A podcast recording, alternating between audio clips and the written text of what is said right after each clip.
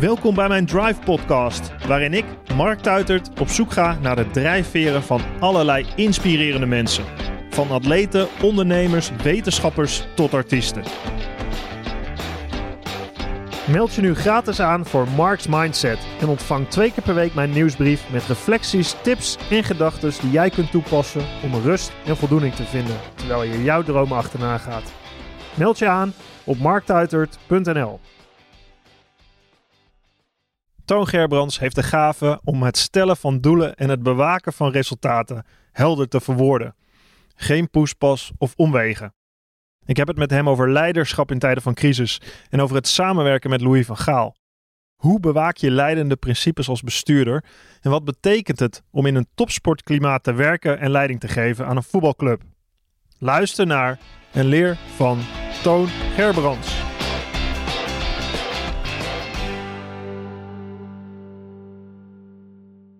Toon, ik uh, kijk je uit op het uh, PSV-stadion, jouw uh, thuis, voor zevende jaar, Ja. hoor ik net. Ehm, ik wil eigenlijk beginnen bij het begin. We gaan het ongetwijfeld hebben over leiderschap, over topsportprincipes. Daar sta je onbekend, daar ken ik jou ook over om. Ehm, wat, uh, wat heb je eigenlijk voor, voor uh, je tijd voordat je volleybalcoach werd gedaan? Ehm, nou, niet zoveel. Ja, ik heb alleen een twee sporenbeleid gevolgd. Ik heb HTS verkeerstechniek gedaan. Verkeerstechniek? Ja. En met wat voor idee? Nee, dat was ook heel raar. Um, ik, um, ik heb eigenlijk een hele rare carrière. Ik, uh, ik kon in het Nederlandse schoolsysteem heel makkelijk leren. Dus alle vakken die ik deed gingen goed. Omdat je gewoon iets mag lezen, herhalen en opschrijven. En dan krijg je goede cijfers in Nederland. Ja. Dus dat is een systeem van niks. Achteraf Want? gebleken. Nou ja, het is gewoon uh, iets herhalen. Ik, ik ben ook alles kwijt. Ja, je bent gewoon heb, goed gewe geworden in iets in herhalen. oplezen. In ja, goed lezen, in, Mhm. opnemen in mijn geheugen. En dat is, dat is het schoolsysteem. Dat zijn geen vaardigheden, vind ik. Dus ik, uh, maar toen had ik uh, vier talen en wiskunde en natuurkunde, omdat alle dingen goed gingen. Dan heb ik een keer een test laten doen uh, na de HAVO van wat ik wilde gaan doen. En er kwam, een van de dingen was verkeerstechniek, nooit van gehoord. Dus ik ben een keer naar zo'n open dag geweest, dat leek me wat. Dus het is, uh, het is iets minder streng dan civiele techniek, want dan moet je alleen maar berekeningen maken. Dat is niks voor mij. Mhm. En hier zit een beetje creativiteit aan met, met verkeerslichten, zebra's, uh, van allerlei dingen, uh, wegen ontwerpen. En dat vond ik leuker. Dus dat ben ik maar gaan doen en dat ging natuurlijk ook goed. Maar je had niet echt een idee van ik wil hier uitkomen of ik wil dat per se worden. Het was gewoon noodzakelijk kwaad. Ja. Dus ik, dat vond ik. Want ik, ik was een hele beperkte volleyballer. Ik ben wel de Eredivisie gehaald, maar dat was het ook. Ergens onderin. En op 18 ben ik begonnen met coachen. Dat leek me leuk. Gewoon een jeugdteam van jongens van 10 jaar, hoor, om even aan te geven. En toen heb ik op een gegeven moment besloten dat ik volleybalcoach wilde worden. En ja, dat was een veel traject in die zin dat in Nederland verdien je maximaal bij een topteam in Nederland 15.000 euro bruto per jaar. Uh, dus dat baantje kon ik goed bijgebruiken. Dus ik heb gecombineerd uh, 28 uur verkeerstechniek, 12, uh, 14 uur volleybalcoach. Dat is het tweesporenbeleid. Dat is het tweesporenbeleid. En de een was noodzakelijk om geld binnen te halen.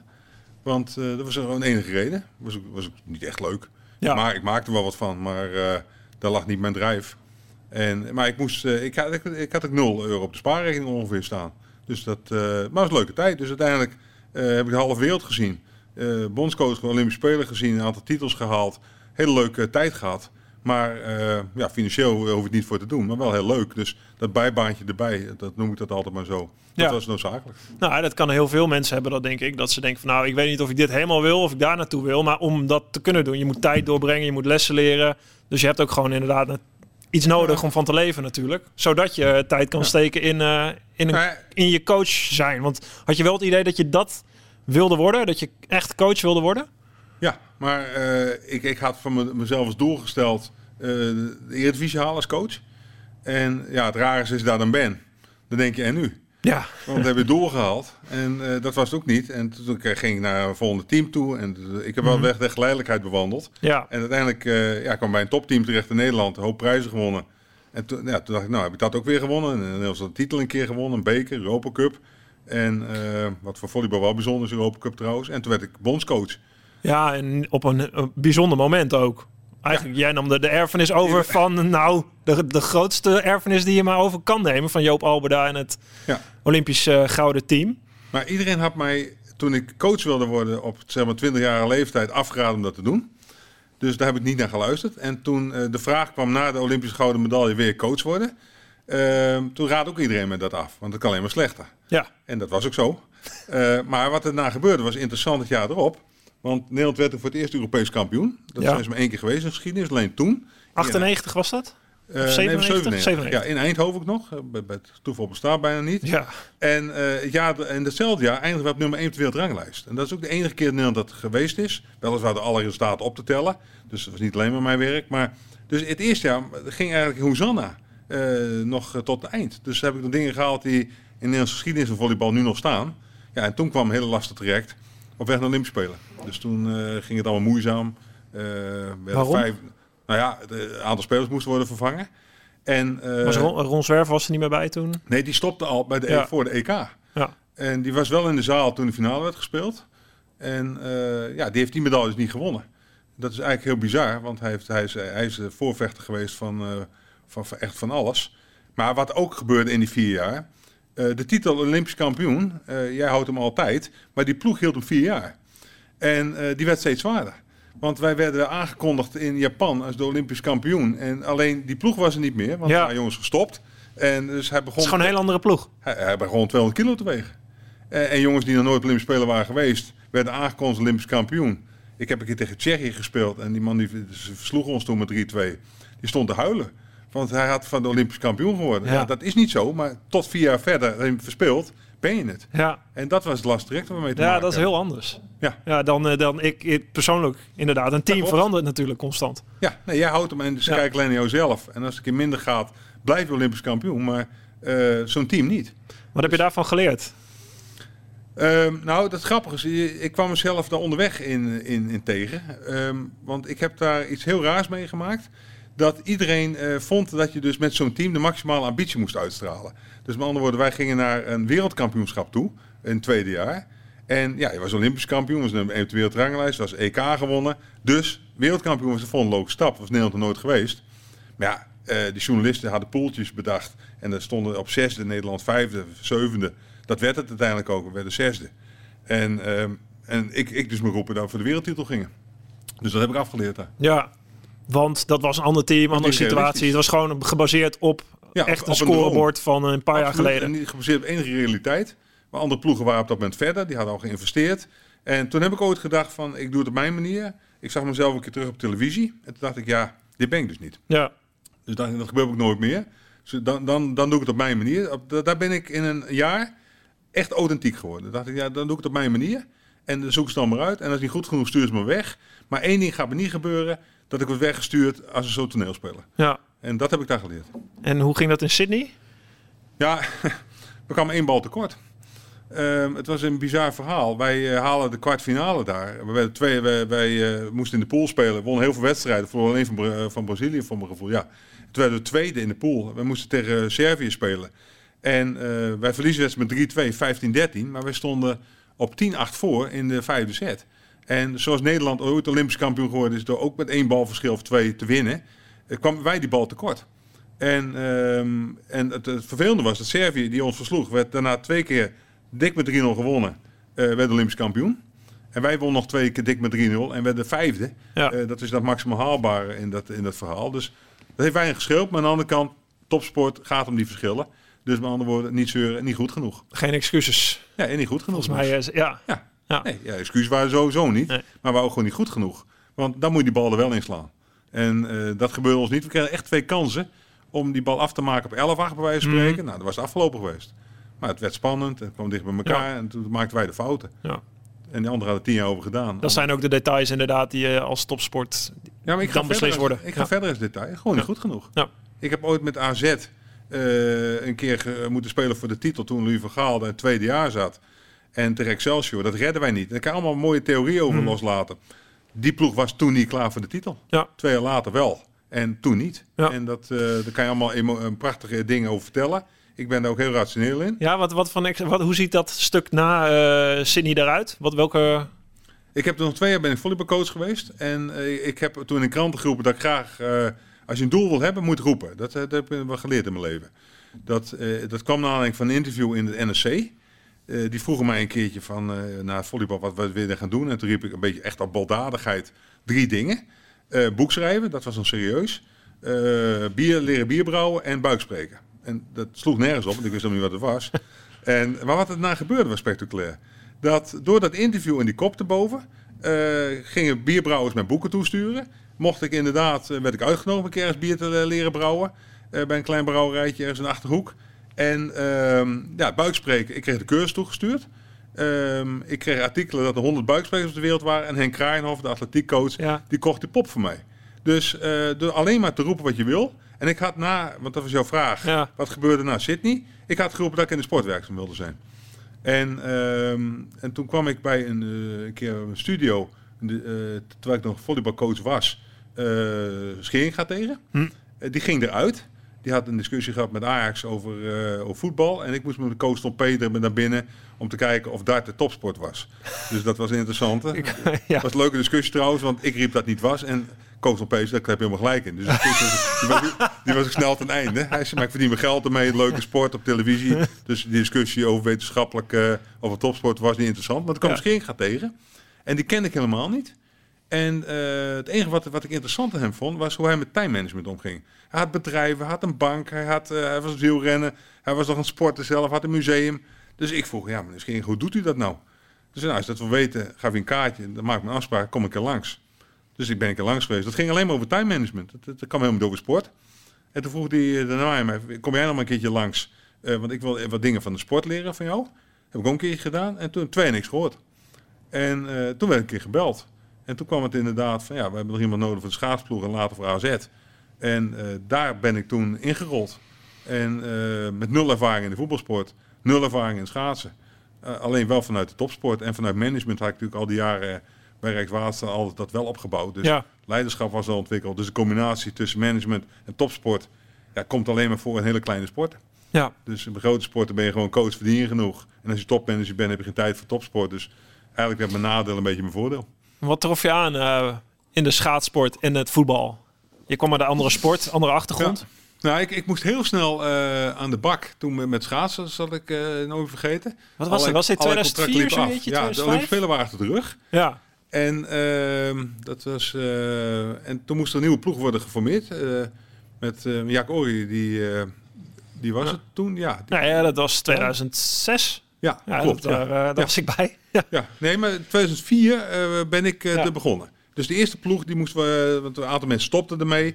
En dan moest ik Jan Bos nog, zal ik eh, nooit vergeten. En, dus ik moet altijd contracten sluiten. Maar ik ken de hele wereld. Ik wist ongeveer wel wat er, wat er kon worden verdiend. Dat had ik ongeveer wel door. Maar het Mhm. ging ook een verdieping naar beneden toen de tijd. Ja. Want ze hadden toen het grote geld eh, gehad met uh, spaarselect. DSB. En dat was...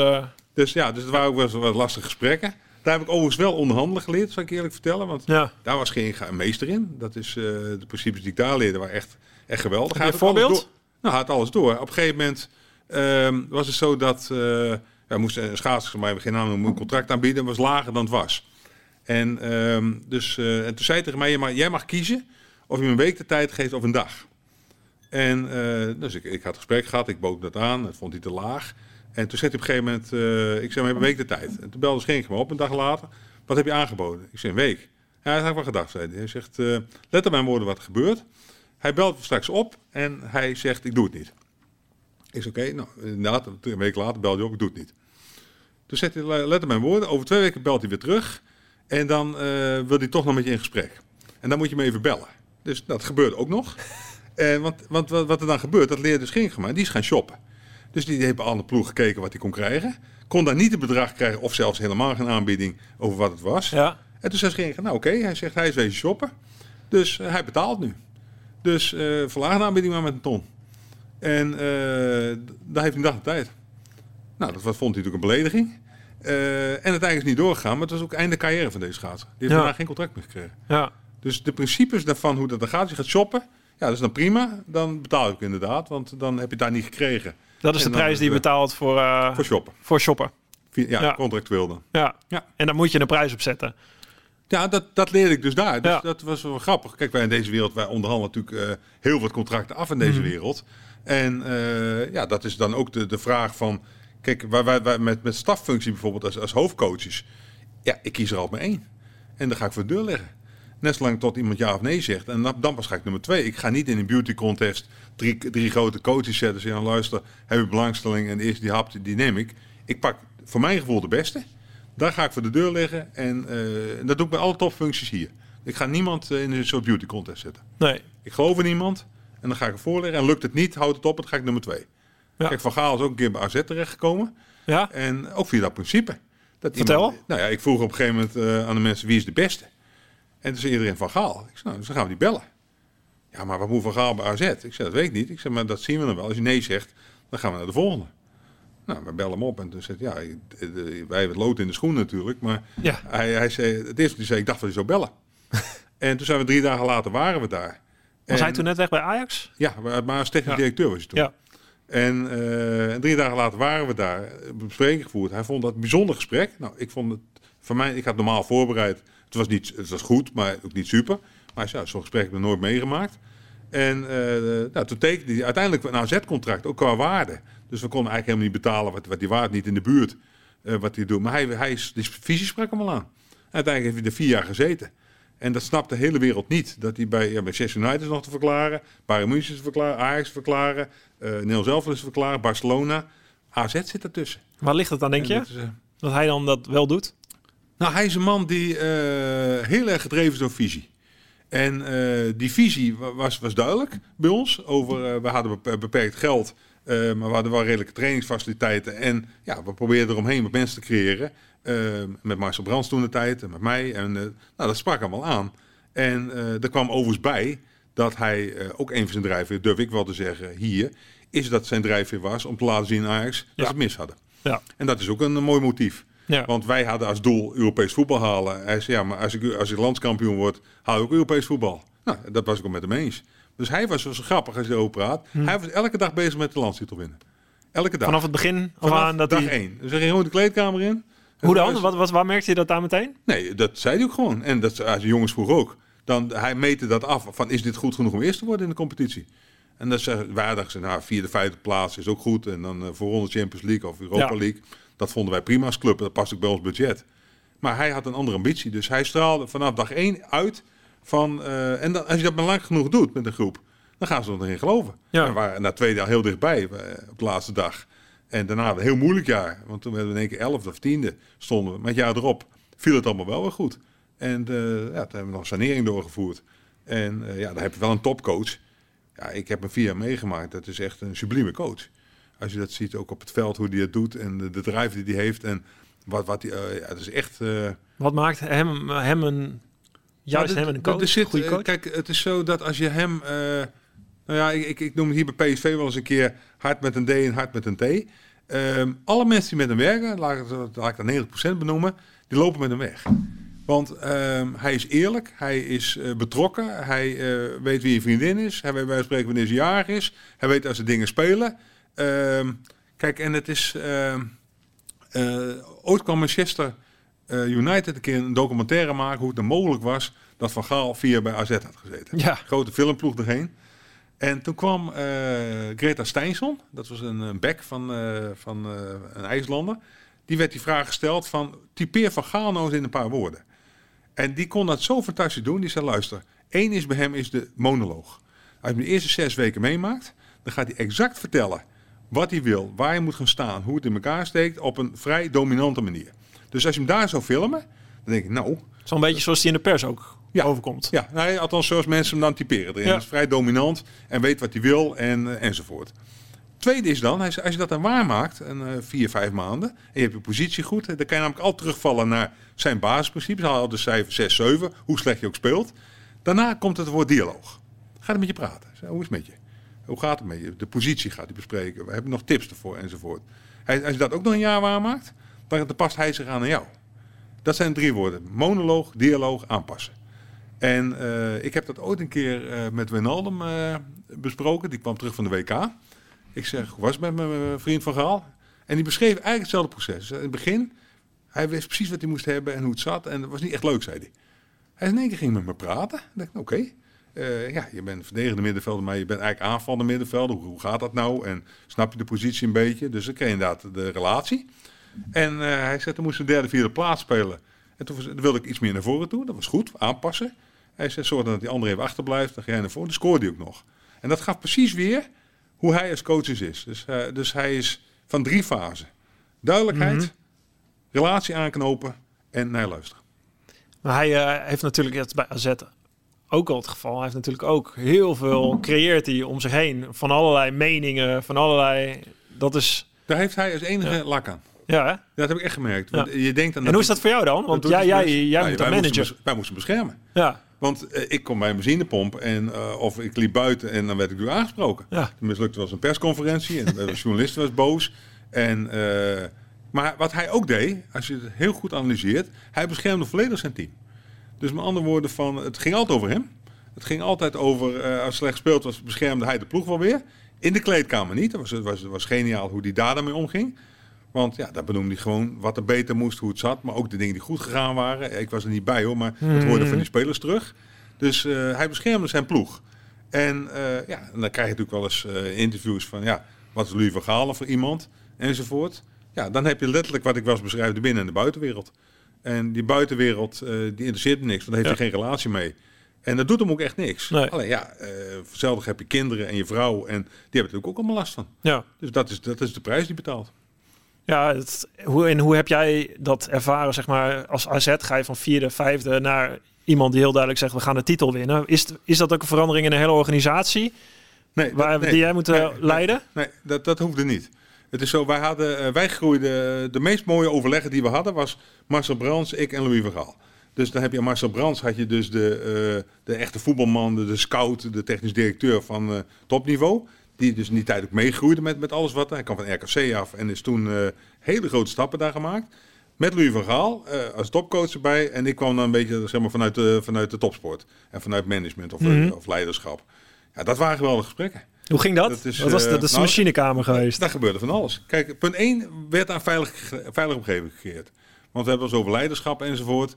Eh, daar kon alles worden gezegd. Daar kon, ik heb daar mee- mensen meegemaakt die boos werden. Eh, ik heb mensen horen zingen. Ik heb, we hebben gelachen. We hebben ruzie gehad. We, we waren bij elkaar eens. We hebben elkaar was omhelst. Alles wat je kan bedenken in een normaal gezin. Als je praat over veilige omgeving was daar ook. En, maar daar kon ook alles gezegd worden. Dus op het moment dat hij ergens iets aan vond of niks aan vond. Of, eh, ik, ik kon daar ook rustig zeggen dat ik een wissel niet eh, goed vond uitpakken. Wat zei hij dan? Nou ja, dat, Waar bemoei je mee? Nee, dat vroeg hij, nee, hij vroeg hem waarom dan niet. En als je dan drie argumenten gaf en twee waren goed, dan ging je mee, dan was het goed. Dan kon hij heel een beetje mee. Want dan had je, oké, dat snap ik ook wel een beetje. Maar had je maar één van de drie goed, oh, hier, ja, dat is nou onze mening, daar moet ik het mee doen. En, eh, maar hij dacht er altijd over na. Dat heb ik ook gemerkt. Hij dacht altijd na, kwamen wel eens dingen terug, later.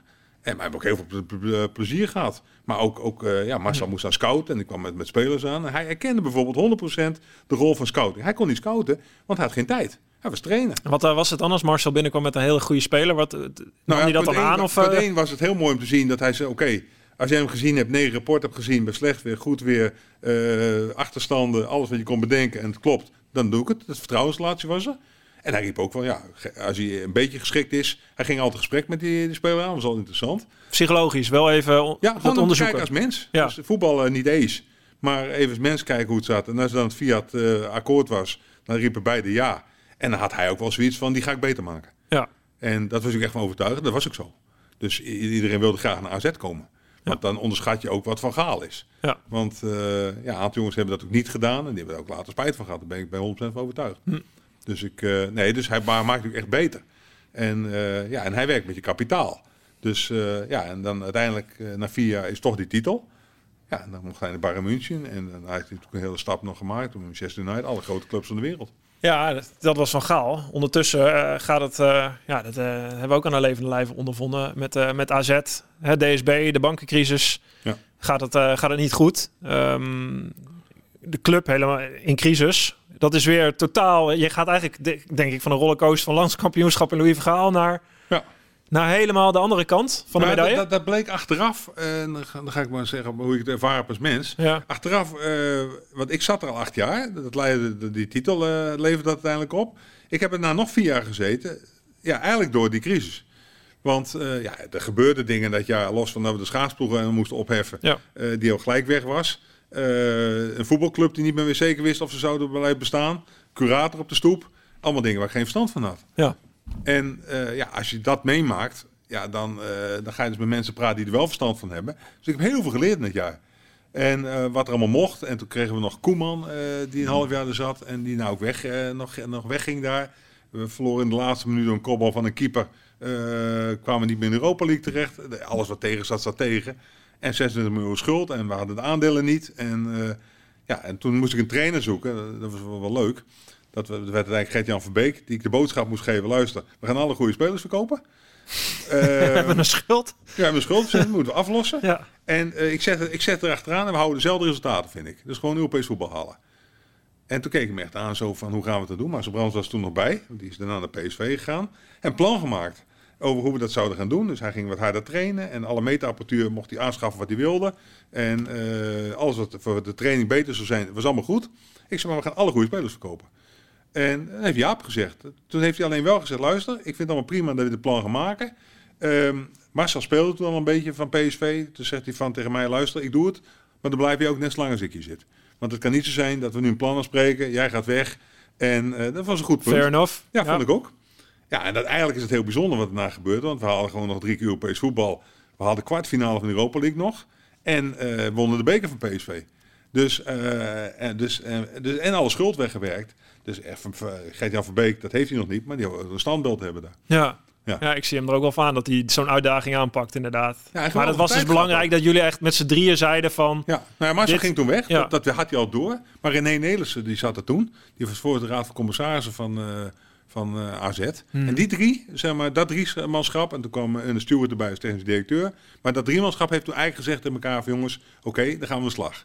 Ja, dat was echt geweldig. Want in crisis, met elkaar, niet zeker weten hoe het zit... 100 banen stonden er op de tocht van mensen die niet zeker wisten of ze hun banen wel zouden behouden. Ja, en uiteindelijk is daar ook voor een groot deel het fundament gelegd van uh, de jeugdopleiding moest doen op een andere manier, de scouting moest op een andere manier. Talentontwikkeling. Ja, dus, ja. dus Verbeek heeft toen eigenlijk durf ik te zeggen, ja, met een paar mensen die erbij waren, maar eigenlijk de coach is belangrijk, heeft daar het fundament neergelegd, misschien voor het huidige AZ. Ja. Ja, dat is een heel mooi fundament. Is, uh, ja, en ik heb een geweldige ja. tijd ook gehad, kan ik je vertellen. Dus ik heb mezelf ook ontwikkeld als... Uh, en toen, toen Verbeek, uh, want die moest er uiteindelijk nog uit ook nog. Want dat klikte het laatste half jaar niet meer. Ja. Dus die is ontslagen nog door mij, moet je nagaan. Dus, uh, dus Waar klikt er niet meer? Met spelers? Nee, of met, de spelersgroep. Hm. Dus uh, dat had niks met mij te maken. Ik kom door een deur. Maar ja, dan moet je dus iemand die alles betekent voor je club, moet je vertellen van dit was het. Ja. En dan probeer je echt van tevoren alles hoor. Want dan gaan we met de spelersgroep praten, dat ligt aan jullie. En tegen Gert Jansen, luister, kom op, uh, dat moet even anders. Maar dat kregen we niet meer te praten. Hm. En nou ja, maar het mooie van het verhaal vind ik bij hem... dan op zondag zeiden we, nou oké, okay, dit was het. Uh, ik kreeg al de afkoopsom altijd een contract, om we niet meer over te praten. Dus dat is ook altijd makkelijk. En op maandag kwam hij met, uh, met zijn autootje aan en wat doosjes of spullen op te halen. Maar dat was ik er ook. En uh, ben gaan helpen.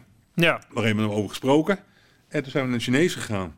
En daar is toen onze vriendschap begonnen. Dus Bij die Chinees? Ja. Want heel, nou ja, we hadden natuurlijk al samengewerkt, ja. maar in een, in een gezagsverhouding. En mensen zagen ons ook zitten daar. Die denken, hoe is het nou mogelijk? Dat hij had gewonnen van PSV trouwens, de avond ervoor met 2-1. En dat maakt dan ook niet uit, want als de relatie tussen spelersgroep en die coach niet goed is, maakt de uitslag ook niks meer uit. Maar het is een voorkomen verrassing. En dus waren ze ons zitten bij de Chinees. En ik zei, ja, hoe is het mogelijk? De, coach, de, trainer of de directeur heeft hem eruit gegooid. En ze zitten hier gewoon met, met twee bij Chinees. Ja, dat is wel bijzonder. Uh, ja, maar dat zegt ook iets over hoe, hoe het ook zou kunnen ja. in deze wereld. Ik bedoel, dat is, heeft niks met de persoonlijke verhouding te maken. Maar kan het überhaupt dat je, dat je vriendschappen in een werkrelatie ontwikkelt? Dat je zegt dat het is een vriendschap geworden op het moment dat die werkrelatie ophield te bestaan. Absoluut. Want ik geloof namelijk, uh, het, ja, ik heb discussie heel vaak met mensen. Als ik twee woorden lees, kijk, familiebedrijven hebben het probleem en vriendenteams hebben dat probleem. Ja. Uh, want dat betekent één voorwaarde: de relatie blijft in stand. Want uh, als je een familiebedrijf hebt, het gaat niet helemaal goed, dan kan je moeilijk iemand eruit gooien. Want die kom je binnenkort weer tegen als opa of als, als oom of als, als, ja. als, als zoon. Uh, en als ik lees ergens dat iemand een ploeg een vriendenteam heeft, dat lijkt het of ze elkaar afrekenen. Dat doen ze ook wel. Maar met één, één restrictie, de relatie blijft in stand. Ja. En nou, daar win ik altijd van, zeg ik altijd. Want dan kan je net een stap verder gaan. Dus die vriendschap... Als je die vriendschap hebt of niet hebt? Als, als ik tegen een vriendenploeg ja. speel, ben ik altijd. Ja, omdat je het resultaat voorop stelt. Wij gaan verder dan in die vriendenploeg, van, ja, juist. Ja. Want het resultaat is leidend in ten opzichte van de band die normaal in vriendschap want is. die band blijft in stand. Ja. En dan kan je een keer boos worden in de kleedkamer, kan ik de huid vol schelden, ja. maar je houdt de relatie in stand. En uh, ja, dus met andere woorden, een, uh, zoals je dat nu vraagt vanuit leiderschap, een vriendschapsrelatie in, een, in zo'n organisatie als deze, die moet ik niet hebben. Die heb ik ook niet. Nee. Nee. Ik kan mensen goed door een deur, maar. Uh, ja, maar is het ook iets kunnen... bewust dat je bewust afhoudt of ja. niet? Ja. ja, ik hou bewust af. En na die tijd kan al wel iets groeien. Hm. Ik bedoel, Marcel Brand zit nu bij eh, Everton en daar ga ik wel heen. Ja. En Verbeek eh gaan we eens een keer het eten. Dik advocaat. eh, van Gaal trouwens ook. Eh, maar Maar is dat omdat je dan inderdaad, je wil iemand eigenlijk, je wil altijd elkaar kunnen afrekenen op verantwoordelijkheid, resultaat. En als je vrienden van elkaar zou zijn, dan zou je dat, dat heeft effect. dat heeft effect. Ja. Altijd, zeg jij. Ja. Omdat je elkaar iets gaat sparen, of je durft het net Ja. niet te zeggen, of je zegt het anders Nee, om de relatie niet te willen de beschadigen. spel. En eh, dat is prima, maar dat betekent ook dat het bij het ontslag van iemand ook de relatie direct kan eh, laten sneuvelen. Ja, En eh, dus daarom kan je maar beter niet in die situatie terechtkomen. En, en stel dat je 1% zou denken, dit doe ik niet, want dat zou het op spel kunnen zetten. Dat is een topsport dodelijk. ja ah, eens. Ja. En dat, dat is raar, want heel veel mensen zullen dit aanhoren en denken, ja, zo simpel werkt het leven niet. Ja, in, to- in topsport wel, vind ik. Topsport is het zwart-wit. Dan werken de, ieder procentje werkt mee. Top- Ja. Topsport is wel in die zin wel een extreme... Is het een extreme het is kant? een wereld, nee, wat ik altijd zeg, van, Mhm. niks met topsport te maken. Iedereen die wil presteren, Ja, zal dit herkennen. En, want dat is ook altijd een vergelijking die bedrijfsleven maakt met topsport. Dus ik, Ja. ja, die, die maken niet met bedrijfsleven, want jullie zetten bedrijfsleven als één ding neer. Het bedrijfsleven. ja. Nou, daar heb je ook slechte bedrijven, middenmotors en toppers. En ik wil, eh, ik wil de vergelijking van maken, maar dan gaan we met topbedrijven praten. Ja. En niet met middenmotors. Die zeggen, bedrijfsleven en topsport lijkt niet op elkaar. Nee, dat klopt, want ze zitten in de middenmotor. En Wat voldoet dat aan? En, eh, als je niet in de middenmoot zit, als je echt een goed presterend... Zie jij overeenkomsten tussen die hele goed presterende bedrijven, goed presterende teams? Ja, ja ik, kijk, wij zitten hier in Eindhoven eh natuurlijk met een paar prachtige bedrijven. Eh, het, mijn, in mijn voordeel is mijn rol, als je praat over leiderschap en leuke gesprekken voor. Je hebt dan een podcast, Ja. je komt overal binnen. Maar als directeur van PSV kan je dus met heel veel CEO's van hele grote bedrijven praten. Hm. En eh, dat is leuk. Bijvoorbeeld als je dan met Peter Wenning praat van de grote baas van ASML. Eh, ja, dat is, dat is interessant. Die heeft dan 16.000 mensen werken. En dan heb ik het wel eens over de relatie. Hoe kan je nou met 16.000 mensen een relatie opbouwen? Wat is eenzaamheid? Welke prijs betaalt hij voor, eh, voor succes? Met al dat soort dingen worden dan besproken. Wat zegt En, hij daarop? eh, kijk, wij, wij leren er ook wel wat van. Want zij zijn, ik zal een klein voorbeeld geven. Zij zijn een van de meest innovatieve bedrijven ter wereld. En ehm, wat de, de fout is die heel veel mensen maken. Wij hebben hier dan het begrip, wat we noemen speedbootje.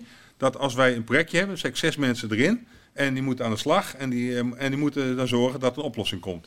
Wat zij eraan koppelen, is dat ze zeggen, luister, ik heb twee maanden tijd. Dus er komt gewoon druk op de ketel. Na twee maanden vertel je waar je bent. En is niet goed, stoppen we er gewoon mee. Dus, en dat zie je in heel veel bedrijven niet. Die gaan er maar door, door, door en door. En eh, op een gegeven moment werkt het niet meer en dan ben je zo twee jaar verder. Dus zij zetten echt de druk erop van, dan moet het wat opleveren en anders gaan we het dus niet doen. En eh, nou ja, goed. eh, Hm? kijk, we hadden het net over jouw bedrijfje enzovoort. Eh, bij ASML hadden ze gezegd, luister, oké, je wil een bedrijfje starten? Prima. Ga aan de slag. Wat zijn de cijfers na drie maanden, na vier maanden, na vijf maanden en dan trekken we stekker eruit. Ja. En dat doet dus niemand. Ja, ik wil niet zeggen, jij bedrijf gelijk moet stoppen, maar, eh, maar het is wel niet. interessant om over na te Mhm. denken. Want heel veel mensen gaan dan te lang door, Mhm. eh, kost te veel geld. Ja. En eh, uiteindelijk blijkt dan, je hebt je best gedaan, je, hebt, je, je leert er heel veel van, enzovoort. En dan ga je zeggen, nou, hoe gaan we het nu verder? Zo is zo'n bedrijf groot geworden. Ja, maar er is toch altijd wel een context, ook in cijfers. Hè, je kan zeggen, we gaan een, een hard doel stellen. We worden vierde en dat is dus niet vijfde. Volgens mij is Ch- Charles van Commenay, die haalde zijn doelstellingen niet in Londen en die, Ja. eh, die, die bood zijn ontslag aan. Ja. Eh, wat een heel resultaatgericht iets is. Maar er is toch altijd wel een context ergens. Nou, niet in alles, maar in veel dingen is een context te vinden waarop iets misschien wel... Hè, een team wat misschien van- niet wint, maar heel goed speelt. Ik noem maar even iets, ik weet al wat je antwoord gaat zijn. Ja, dan zeggen, beginnen we te lachen alvast. Ja. Ja, precies. Ik ben de vragensteller. Ik probeer de andere kant even te belichten. Eh, wat wel goed speelt eh, en misschien eh, fantastisch eh, gallery voetbal speelt. Ja, dan zou dat een doelstelling moeten Ja, zijn je misschien. entertainmentwereld in. Ja. Ja, ik bedoel, eh, het is allemaal prima, leuk gespeeld, goed gespeeld, Mhm. alles verloren, mooi gespeeld. Ja, daar, daar koop ik niks voor. Kijk, het, het, het stellen van doelen heeft maar één, eh, één, waarde. Hm. Dat is als je ze haalt, dan denk je, nou oké, go- goed gedaan. Nou, dan vier een keer feest, hou een schaal de lucht in en klaar is Kees. Maar het andere is interessant. Als ik het niet haalt, dan kan, moet je eens gaan evalueren hoe dat komt. En eh, waar hebben we dan wat laten liggen? En dan kijk je alleen naar jezelf. Dan kijk je kijk een beetje naar het landschap waar je je in begeeft. Ja, Maar voor de rest kijk je alleen naar jezelf. Hoe kan ik weer aanhaken om prijzen te gaan, te gaan winnen? En daar is dat doel voor nodig. En dan kan je zeggen, ja luister, ik heb een leuke tijd. Ik kan het romantiseren en Ja. ik kan zeggen hoe het in elkaar steekt. Maar uiteindelijk gaat het daar niet om. En eh, kijk, het meest mooie verhaal wat, wat ik van een, van een vriend van mij een keer meemaakte. Die had dan een bedrijf. En als je winst had gemaakt, dan gaf hij aan het eind van het jaar alle winst naar het goede doel. Want dan moest je op nul beginnen, dan was je scherp. En dan moest hij, had hij weer de drive om weer te gaan presteren. En toen kwam iets leuks, want na een jaar of zes, zeven uh, had het bedrijf van zes, zes personen. Ging het minder met het bedrijf en hij moest dat mensen eruit gooien. Waarop ik tegen hem zei, nou, dat heb je niet slim gedaan. Je hebt zes jaar lang 50.000 euro verbrand aan goede doelen. Had je nu drie ton gehad? Hij zei, nee. Hij zegt, dan had ik, eerder, dan had ik het waarschijnlijk erin gestoken. Had ik, minder, had ik pas later ontdekt dat het mis was. Ja, als je zo gaat redeneren in je leven, dan kom je heel. Maar dat is presteren. Hm. En dat hoeft voor mij niet, want gelukkig presteert uh, 95% van Nederland niet. Dus dat betekent inderdaad dat je onderscheid kan maken. Maar anders dan als iedereen doet, hebben we een issue natuurlijk. Heeft dat ook te maken met dat we gewoon, als we doelen stellen, daar niet goed genoeg over nadenken?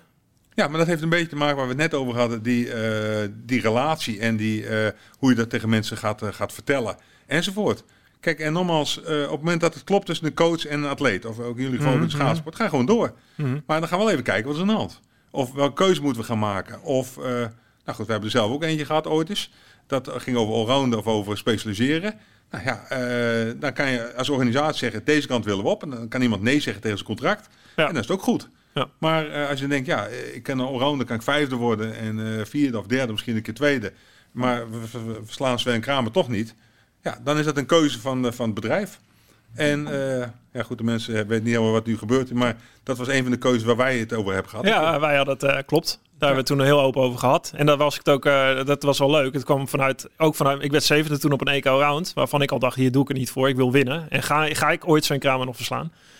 Ja, wij, Met dachten, wij dachten van niet. Nee, ja, nou, ik moest daar zelf natuurlijk, denk je als sporter, nog even van, uh, ja, je bent vier, vijf jaar lang, dacht je, ja, het kan. Je moet het geloof hebben dat je het kan of niet. Er is geen middenweg. Twijfel uh, ben je af. Totdat inderdaad, toen kreeg ik eigenlijk wel, toen was het voor mij ook wel duidelijk, nou dat gaat hem niet worden. En met Jack over gehad en inderdaad ook toen met contractonderhandeling was het ook. Nou, wat gaan we doen? Ja, dat heeft zijn consequenties dan als je hè, EK's, veel wedstrijden, sponsoraandacht. Uh, en dat was inderdaad ook met alle partijen een bewuste keuze. Ik deed een stapje terug en we gaan vol voor die, nou het hele team. Wat toen ik, anders... Toen heel, ik weet niet of jij het nog weet, maar ik ben toen heel vrij ver gegaan. En ik heb één ding tegen gezegd. Ik heb gezegd, luister, als jij een interview roept dat het allrounder mist, ontbind ik het contract. Mm. Want dat vond ik gebrek aan focus. Als je Mhm. dan toch kiest voor iets, dan moet je niet meer zeuren over wat, er- wat er geweest is. En ik weet het nog Ja. weet dat ik gezegd heb. Maar, Nee, dat weet ik maar, niet meer. nee. Maar zo zat Nee. ik er bovenop. Ja. Dat ik denk Ja. ja, Nou, maar daar was het is helemaal mee eens trouwens, 1500 meter. Ja. En ja, dat heeft iets opgeleverd. Voor mij voelde dat ook heel goed, want eigenlijk dat kan ook gewoon een last zijn. Dat je denkt, het is een soort ja, legacy voor jezelf, wat je hebt opgebouwd. Dat je denkt, ik moet hier aan voldoen. Hè, moeten. Het is een, eigenlijk een externe norm die je zelf oplegt. Terwijl de interne norm, denk je, waar kan ik in winnen? Dat is topsport presteren. Nou, dan is Ja. dit de kans om daar de volgende stap in te En maken. nou is dit een romantisch verhaal Ja. het goed afloopt. Ja. Om even zo te zeggen. Maar het kan ook fout aflopen. Ja, absoluut. Dat helemaal niet gelukt. Nou, sterker nog, dat de moeite van die keuze is, is dat je dus drie jaar lang eigenlijk alles richt op twee wedstrijden. Eentje, de selectie voor de Olympische Spelen. Tweede, Olympische Spelen. Eerder, Zonder het- herkansing. Ja, zonder herkansing niks. Het gemak, het dat gemak eigenlijk is. van het, van het, van het, nou ja, het allround gaat. Dus, dus er zijn drie toernooien in een seizoen. En er is altijd weer een volgend seizoen met een nieuw allround toernooi. Dus mentaal is het veel, je moet veel meer mentale pijn lijden. Emotionele pijn om dat vol te kunnen houden voor die twee momenten. En met in je achterhoofd, het kan ook En gewoon vier, mislukken. en nog vier afstanden. En, dus je kon ja. ook nog een beetje compenseren. De Ja, 500 precies. Ja, weer, precies. 500 heb ik een medailletje. Vijf, nou ja. Komt eh, goed. Ja. Kom wel. Ik heb, ik heb iets in de pocket. Ja. Dat is nee, maar dat Ja. is interessant. En juist dat hele verhaal van alles of niks. Ja. Ja. dat is natuurlijk het allermooiste wat er is. Ja. Kijk, het allermooiste verhaal wat ik ooit heb meegemaakt in dat opzicht is Katie Freeman. Die dus inderdaad... eh, Sydney Ja, 2000. die, Ja. die moest winnen. En, Leg eh, even toe eh, voor de luisteraars waarom. Aboriginal, Ja, vrouw, Aboriginal. En het hele land. eh, en toen moest zij dus die finale Sydney, eigen land. Ja. En daar kwam de meest mooie uitspraak eh, van haar die ik ooit heb gehoord. Zij werd voor, voor, voor die race geïnterviewd. Het ging staan in. En zei: Ja, maar het hele land wil dat je wint. En ik was toen coach op Olympische Spelen daar. Ik zat in het Olympisch dorp. Ze, uiteindelijk won ze, om het hele verhaal vast te vertellen. Mhm. Eh, dus het ontplofte in dat land. Dus een lawaai. Eh, Ik denk, wat gebeurt hier? Maar toen had ze gewonnen. En toen, toen vroegen ze, ja, maar gigantische druk. En toen zei zij, eh, pressure is a privilege. Druk is een voorrecht. Want ik heb het tot hier gebracht. Het hele land kijkt naar mij. Dit moet ik mooi vinden. En dat is de haat-liefde verhouding die elke topsporter heeft. Ja. Van tevoren denk je, waar ben ik aan begonnen? Niemand denkt uur van tevoren, oh leuk, je hebt er zin in. nee, het is helemaal niet leuk. Nee, het is helemaal niet leuk. Ja. Maar als je goed over nadenkt, heb jij het op Olympische Spelen gebracht. Jij mag die start doen. Jij mag eh, op het wereldpodium zitten. Maar dat voelt zo even niet. Maar dat Nee. is de haat-liefde verhouding van presteren. ja, ik had toen het voordeel dat ik al twee keer de Spelen gemist had. Dat, ik, dat ik echt die, die dankbaarheid al wel voelde dat ik daar mocht starten. Ik dacht, en ik dacht toen ook echt, maar als je het hebt over één... Ik dacht, ook, ik krijg maar één kans. Ja. Dit is het. Ja. Ik krijg niet nog een keer een kans. Nee. Dus wat ga je doen? En dat is niet Nederlands. Nee, dat klopt. Want dan, wij vinden dat iemand nog een herkansing moet hebben. En nog een keer als een keer valt, uh, nog een skate-off en dat soort dingen. Dus ik... Uh... Ja, oh, absoluut. Nou, dat, is, ik, dat, dat verandert wel iets, heb ik het idee. Ook door het NOC-NSF. Dat met iets strengere normen. Uh, 10, 15 jaar geleden, dat heeft ook Maurits Hendricks aandeel in gehad, was, was het wel. Hè, toen kwamen we op een Olympisch dorp en dan kwam de familie langs in het Olympisch dorp. Ja. Nou, dat was, dat, je weet wat je gaat krijgen dan. Je, je hebt de mensen die voor goud gaan. En je hebt natuurlijk mensen die denken, nou, oh leuk, mijn familie komt. Hey, kijk, hier is de speelhal. Kijk, hier is, uh, oh wat, wat gaaf allemaal. Er hangt geen prestatiecultuur meer, of minder. Nee, dat, dat, is, dat, is eh, terecht. Dat is wel aan het veranderen, En ik ben nog veel harder erin, want ook, ook de skates of Als iemand valt, valt hij niet geplaatst. Ja. En dan roepen jou het hele jaar heeft hij alles gewonnen, wereldrecords gehaald. Ja, dat is dan jammer. Uh, dat, dat, zou mijn stijl zijn. Kan me helemaal in vinden. En hoe zit dat hier? Want je hebt, uh, nou ja, je hebt denk ik ik, ik leg het nu in je mond, dus correct me if I'm wrong, maar Mark van Bommel ontslaan bijvoorbeeld. Dat lijkt mij, het, het klinkt makkelijk, niet presteren uh, eruit, maar was, was Zo makkelijk is dat ook niet. Nee, nee kijk, luister, en als je kijkt naar wat gebeurd is, in 14 wedstrijden wonnen ze maar twee keer.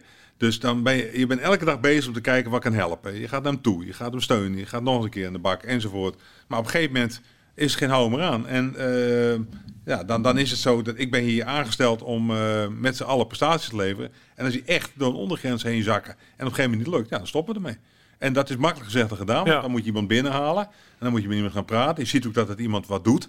En uh, dus dat uh, dus, dus Hoe ging dat gesprek? Dat was het gesprek van dat jij eigenlijk moest mededelen van. Uh, ja, dat, dat, is, dat is een vrij. De mededeling is vrij kort. Dat is gewoon een slecht nieuwsboodschap. ja. Dus ja, luister, als ze bij mij op kantoor komen nou, zo, daar hebben ze ongeveer wat door, denk ik, durf ik wat te vertellen. Ik ben zelden dat iemand verrast is ja. dat hij kwam en dat ik denk van... En dat zou ook raar zijn. Als je dan zoveel weken dag in dag uit elkaar werkt...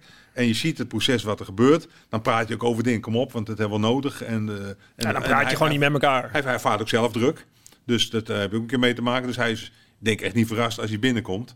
Maar goed, dan, uh, dan deel je dat mee. Ja, en dan, ja, je maakt heel verschillende dingen mee. Je hebt mensen meegemaakt die dan... Uh, van Beek we het net over dus oké, duidelijk. En uh, had ook geen vragen.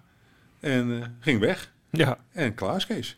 En uh, nou, daar hebben we nog iets gezegd over de pers en over andere dingen. Dus je maakt alle verschillende dingen maak je dan, maak je dan mee. Maar ook dat moet een veilige wereld zijn. Hmm. Dat als dan inderdaad iemand helemaal te plaatsen gaat, dan is ook goed. Als iemand begint te huilen, zou het goed zijn. Als iemand stilvalt, is het goed. Dus alles maak je mee. Is het wel, is het niet eenzaam dat jij uiteindelijk, als ik jou een beetje hoor, jij weegt alles af, je doet er alles aan tot je een soort sleutelmoment hebt waarbij je de keuze moet maken. En in die end, dat is volgens mij dan ook leiderschap. Jij bent degene uiteindelijk die die keuze moet maken als eindverantwoordelijke. Ja, klopt. En dat is, dat is niet eenvoudig. Want mensen denken, oh, dat doet hij even. Dat is niet zo. Is een heel proces aan voorafgaand. En we hadden het net over de relatie opbouwen met mensen en hoe uh, gezagsverhoudingen. Hmm. En, uh, maar je moet één ding kunnen doen. Ik, ik, ik kan, ook in het geval Mark Bommel, ook in andere coaches, altijd in de spiegel kijken. Heb ik alles aan gedaan en ik ben heel kritisch naar mezelf. Denk ik, heb ik daar nog kunnen helpen? Heb ik daar nog kunnen helpen? Hadden we iets meer geduld moeten hebben? Nou, dat, uh, uiteindelijk durf ik te zeggen, ik kan in de spiegel kijken. Zeker in het laatste geval. Ik, als je jonger bent, maak ik misschien dingen mee waar je van leert. Maar in dit geval durf ik zeggen, ja, klaar. Maar hoe weeg je die uh, leiderschap? Is, dat hoor je vaak. Volgens mij heb jij het ook wel eens gezegd. Is uiteindelijk e-, eenzaam, omdat jij degene bent die dat moet wikken en wegen. Hoe, hoe ziet zo'n wik? Is dat zo'n wik- en weegproces waar je uiteindelijk helemaal met jezelf alleen zit? Nou, het, het, is natuurlijk gebaseerd op twijfel. Want het is niet zo van vinken af, tien keer verloren en we roepen op uh, matje en, en. Dus het is ook, kijk, ik heb ook de omgekeerde meegemaakt. Uh, Philip Cocu, die haalde een keer Europees voetbal niet. Voor het eerste 44 jaar geloof ik hier bij PSV. En iedereen eiste zijn hoofd. En, uh, ja, was je net begonnen hè? Ja, nee, ja, toen, nee, het was, nee, was uh, bij mij in het derde jaar. Oh, ja. En dus, ja, en Marcel Brans en ik, het was een vervelende situatie. Het was ook echt dramatisch dat we het ons niet plaatsten. Maar wij hadden door, in een weekend zijn we nog een keer pad geweest, Marcel en ik. En toen hadden wij door van, jongens, de relatie speelsgroep en hem is gewoon super. Uh, ze hebben weliswaar verloren, maar uh, dit staat gewoon goed. En uh, toen hebben we gezegd, luister, ook tegen de commissarissen, volgens ons is voldoende basis. Nou, iedereen boos, supporters boos, gezeur, die we allemaal weg hebben. Nou en lang van over romantiek gesproken, zeven man laatst om 60.000 man op een plein de volgende titel binnen te halen. Ja, ik bedoel, om even aan te geven hoe dat ook kan gaan. Ja. Dus het is een vak wat je moet leren, waar je afweegt. Want het gaat niet om mij en die coach, het gaat om de spelersgroep en die, en die coach daar moet de relatie kloppen, daar moet het allemaal voor elkaar zijn en daar moet dan voldoende draagvlak zijn om te gaan presteren. Ja. Soms is de relatie goed en is, is presteren weg en soms is het inderdaad ook omgekeerd. En ja, ehm, jij beschrijft hoe dat gaat. Gelukkig heb je meer mensen in directie zitten. Daar hebben we vaak een technisch directeur Ja. zitten. Ehm, je gaat ook wel naar, vaker naar de hertgang. Naar Tuurlijk, het is een heel proces, maar je- spelers. En- ligt toch ook s'avonds wel eens dat je... En hardlopen dan maar. En dan even Ja. het probleem eh, mee meenemen. En eens even nadenken. ja. En eh, er is heel veel twijfel ook hoor. Want het is Ja, hoe ziet dat eruit als je gaat hardlopen dan? Wat, wat weeg je dan af in je hoofd? Alles. Eh, ja, alles in de zin van behalve de buitenwereld. Dus alleen maar in de binnenwereld van, nou, wacht ik nog een wedstrijdje? Eh, hoe zit dat? Eh, gebeurt er wat? Wat is de, wat, ook maar, we moeten al nadenken over opvolging. Ja, Van hoe gaan we dat dan doen? Hebben iemand klaarstaan, ja of nee? Maar die opvolging kan je niet benaderen voordat je de coach gesproken hebt. Om eventjes wat te doen, want dat klopt ook allemaal weer niet.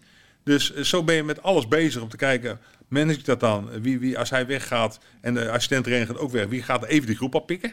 Hebben we dan mensen met trainingsdiploma's? Allemaal dat soort dingen gaan door je hoofd heen.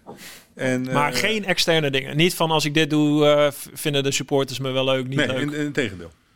In tegendeel. Kijk, het is zo dat de wereld is voor ons dusdanig complex geworden. Dat eh, ik heb het laatste keer zitten optellen. Je hebt negen talkshows eh, per week die over voetballen gaan. En dan gaat ook gewoon 80% de top drie, hè, even voor de beeldvorming. En er zijn daarbinnen maar een paar mensen. Om het maar even Ja, te doen. ja. Dus, eh, ben Nee, ik hoorde ongeveer- dat eh, Johan Derksen één keer per jaar eh, bij jou eh, hier eh, aan de tafel zit. Ja, maar dat, dat, Ja. Is, dat is heel lang geleden begonnen. Ja. eh, en dat is nog steeds jaarlijks. eh, een kop koffie drinken. Mhm. Maar ja, luister, eh, hij moet roepen wat hij wil. Het is zijn vak om eh, in die show over voetbal eh, zijn mening erover te geven. Prima, dat, dat is allemaal helder. Maar dan hebben we nog acht columnisten per week. Ja. We hebben nog veertien podcasten. Even, het gaat alleen maar over Ja. voetbal, niet deze podcast, Ja, maar nog een andere. Eh, dan hebben we nog eh, websites en social media. Dus eh, dat betekent dat er elke twee dagen na een wedstrijd een publicitair tribunaal is. En nou, dan gaat iedereen door de mangel. En daar heb ik ook wel eens waardering voor jonge mensen van 18, 19 jaar. Die ook onderdeel van soms een discussie zijn. Of een onderwerp of worden afgebrand. Of een Spelers bedoel je? Ja. Ja. ja, dat is echt ongelooflijk. Ik bedoel, ik ben een bepaalde leeftijd. Ik heb moeten leren dit wat ik nu vertel. Ja. Maar deze jongens die worden soms geconfronteerd. En op social media met heel veel andere dingen ook nog. Daar heb ik wel eens respect voor. Dat ik denk van nou, dat is knap als je dat eh, voor elkaar kan krijgen. Maar dat betekent dus dat die buitenwereld, die moet je echt isoleren. Want als je dat dus niet gaat doen, dan word je altijd ergens beïnvloed. Maar lees je dan geen kranten? Kijk je geen Ik lees talkshows? kranten, ik krijg geen talkshows, dat klopt. Wel kranten. Maar je leest die columns in die kranten wel. Soms. Ja, maar luister, het grappige van een column is dat ehm, ik, ik lees hem en dan toets ik hem eh, dat ik denk van, heeft hij een punt hier? Ja, ja, ja. Want ik ben ook niet, dat ik denk van, alles wat er wordt geschreven is onzin. Nee, je denkt van, eh, hier kan ik, van, ik kan er ook iets van leren. dat Precies, dit is... Oh, Maar soms hebben ze de informatie niet. Ja. Soms zie je politieke lijnen. Dus die zijn ook gewoon in kranten. Ik Ja. bedoel, dat, eh, dat heb ik in het buitenland al geleerd hoe dat af en toe gaat. En dan zie je van sommige, wat je ook doet, het deugt niks meer van. Nou ja, op een gegeven moment kan ik dan iemand niet meer serieus nemen. Omdat ze met een soort strategie bezig zijn. Een policy die dan eh, tegen iets of iemand of, Ja. of een club is. eh, en dat accepteer ik allemaal, hè, even de beeldvorming. Ja. Maar eh, ja, daar, daar, daar- dan denk ik, nou ja, daar kan ik niet zoveel mee. En de andere kant zeg ik, oké, als je zo bekijkt, nou, het zou kunnen. Ik bedoel, anders zou je dus helemaal niks meer gaan doen. Nee. Maar de hele social media moet je afsluiten. ja, Dus dat is 100%. Want ja, daar zit een klein aantal wat daar volledig losgaat. ja. En, maar die dan ook weer volledig losgaat als je iets positiefs haalt. Dus daar kan je niet zoveel mee. Is dat een beetje wat, wat je dan... in- waarom voetbal ook zo'n speciale bedrijfstak misschien is? Dat het zo af en toe voor de buitenwereld, als je naar kijkt, zo Ja. opportunistisch is... of zo gedreven door emoties, wat natuurlijk... Het is hè? een haat-liefde verhouding. Ja. Want eh, liefde in de zin van het is een grote sport. Er gaat veel geld om, veel aandacht. Dus dat moet je leuk vinden. En eh, de haatkant van het verhaal is dat je dingen meemaakt die je ook mensen niet, niet, niet toewenst. Ik bedoel, het komt soms ook heel dichtbij in je persoonlijke veiligheid. Ja. Dus dat, dat is ook de kant. Kijk, ja, wat, is wij- de, wat is de prijs die jij betaalt? Voor, nou, eh, ik, ik heb niet zo'n niet zo, niet zo hoge prijs tot nu toe betaald. Maar ik heb, eh, ik heb al twee keer gehad dat... eh, ik heb dus bijvoorbeeld politiebescherming geweigerd.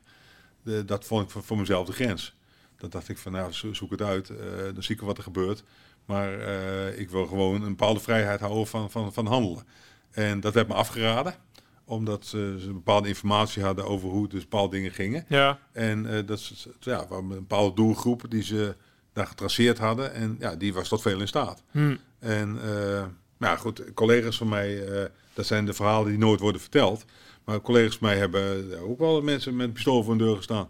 Uh, omdat de seizoenkaarten werden verhoogd. Ja, maar Of- dan of- heb jij uh, die functie, maar je hebt een hele familie daarachter. Ja, ja maar dat, dat is altijd Ja. spagaat. Want uh, daar hebben we eens over nagedacht. dacht ik van, nou, hoe ver gaat dat nou? Hm. Stel dat iemand uh, een steen door eruit gooit, om even wat, wat te roepen. Dan zit je dus ook, dat is een dilemma. Want als je dus zegt, nou, dan stop ik ermee, zal iedereen het begrijpen. Maar aan de andere kant denk je, ja, dan hebben je dus... Dan, ja, precies. Dan hebben ze dus de macht. En eh, hoeveel mensen zijn het? Eh, als als 300.000 mensen of een miljoen mensen iets met PSV hebben, kunnen dan twee mensen dat verknallen. Maar daar zit wel een grens aan.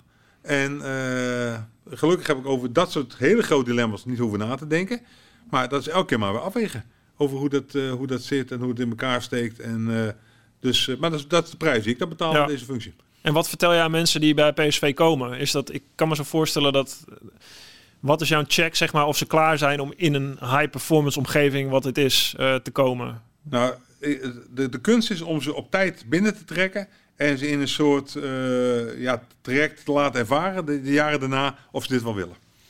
Kijk, en dan, eh, dan betekent dat als je wat ervaring hebt met eh, een, een, bijvoorbeeld een coach die veel ervaring heeft, of ik, ik zit nu heel lang in betaald voetbal, dan kan ik ze wel een keer wat duidelijk maken. Kijk, als, als er morgen weer een directeur met de KNVB komt en die zegt in zijn interview dat het een droombaan is, dan weet je zeker dat het fout gaat. Ja, Dat ga ik nu voor vertellen. Het Ja. is namelijk een leuke omgeving, zou ik Ja. eerlijk vertellen, om te werken. Maar het is geen droombaan.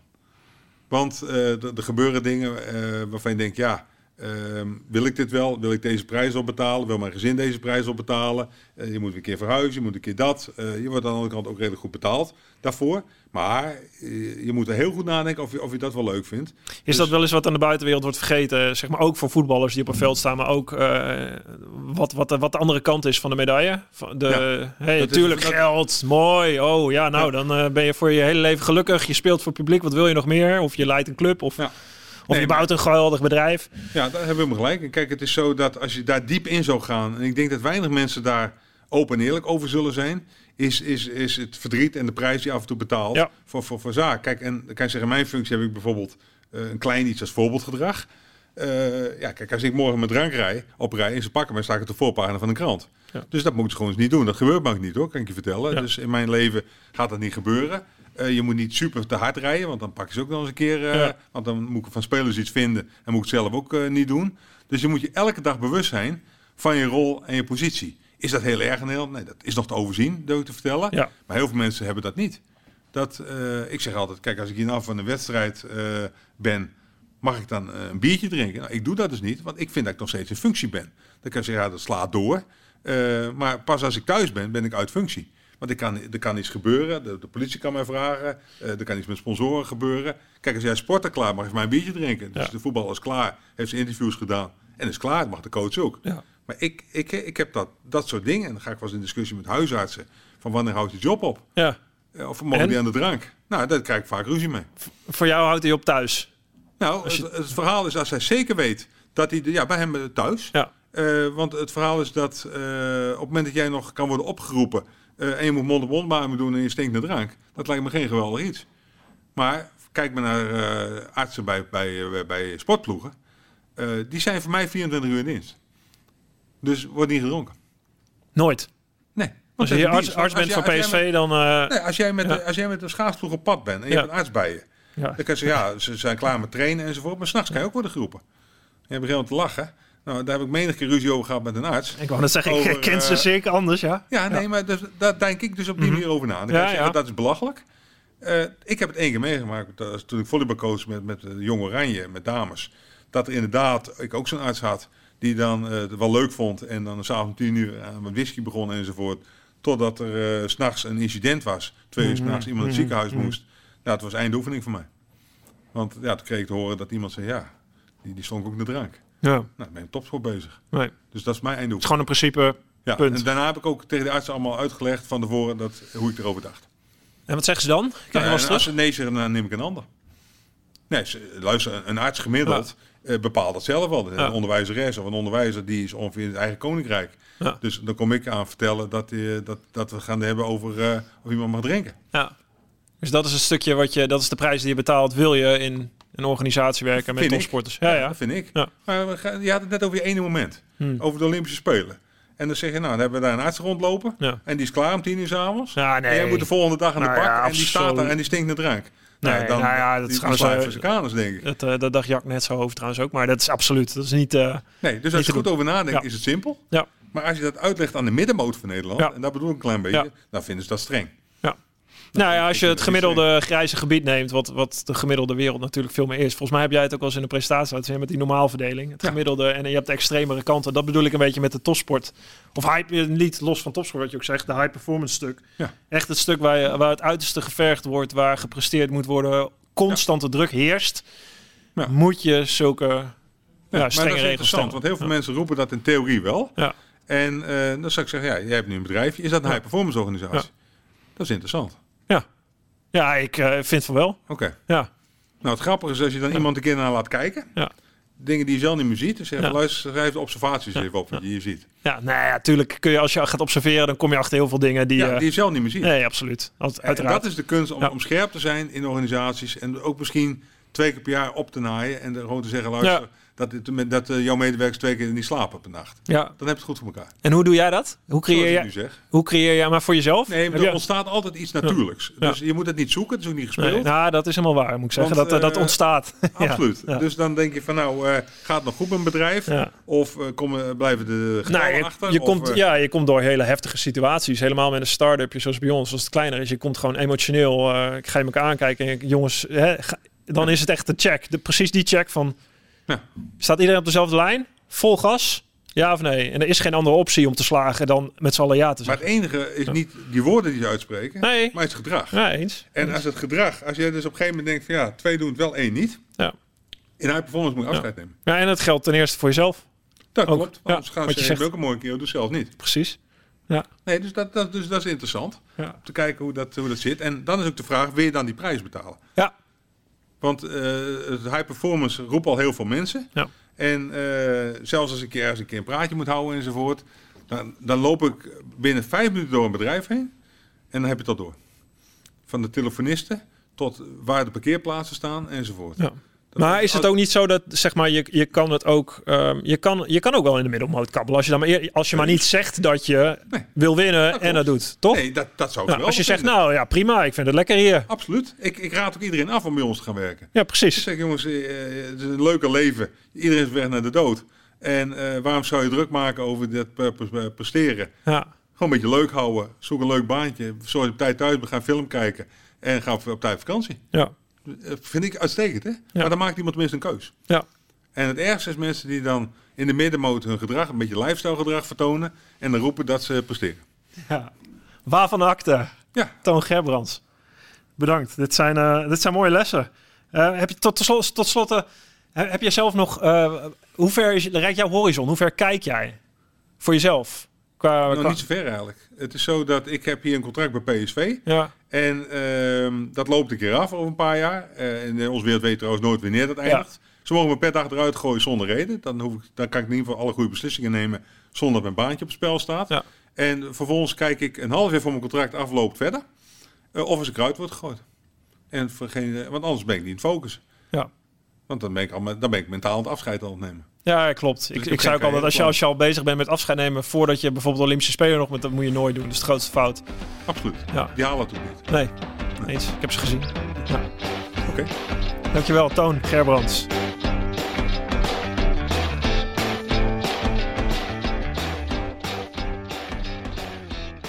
Dank voor het luisteren naar mijn Drive podcast. Je vindt mijn aflevering op Spotify, iTunes, YouTube en mijn website marktuitert.nl. Laat me weten wat je van mijn podcast vindt en deel dat via Instagram, Twitter, LinkedIn of Facebook. Heb je suggesties voor gasten? Stuur me dan een DM via die kanaal. Tot de volgende Drive podcast. Goed, Mark.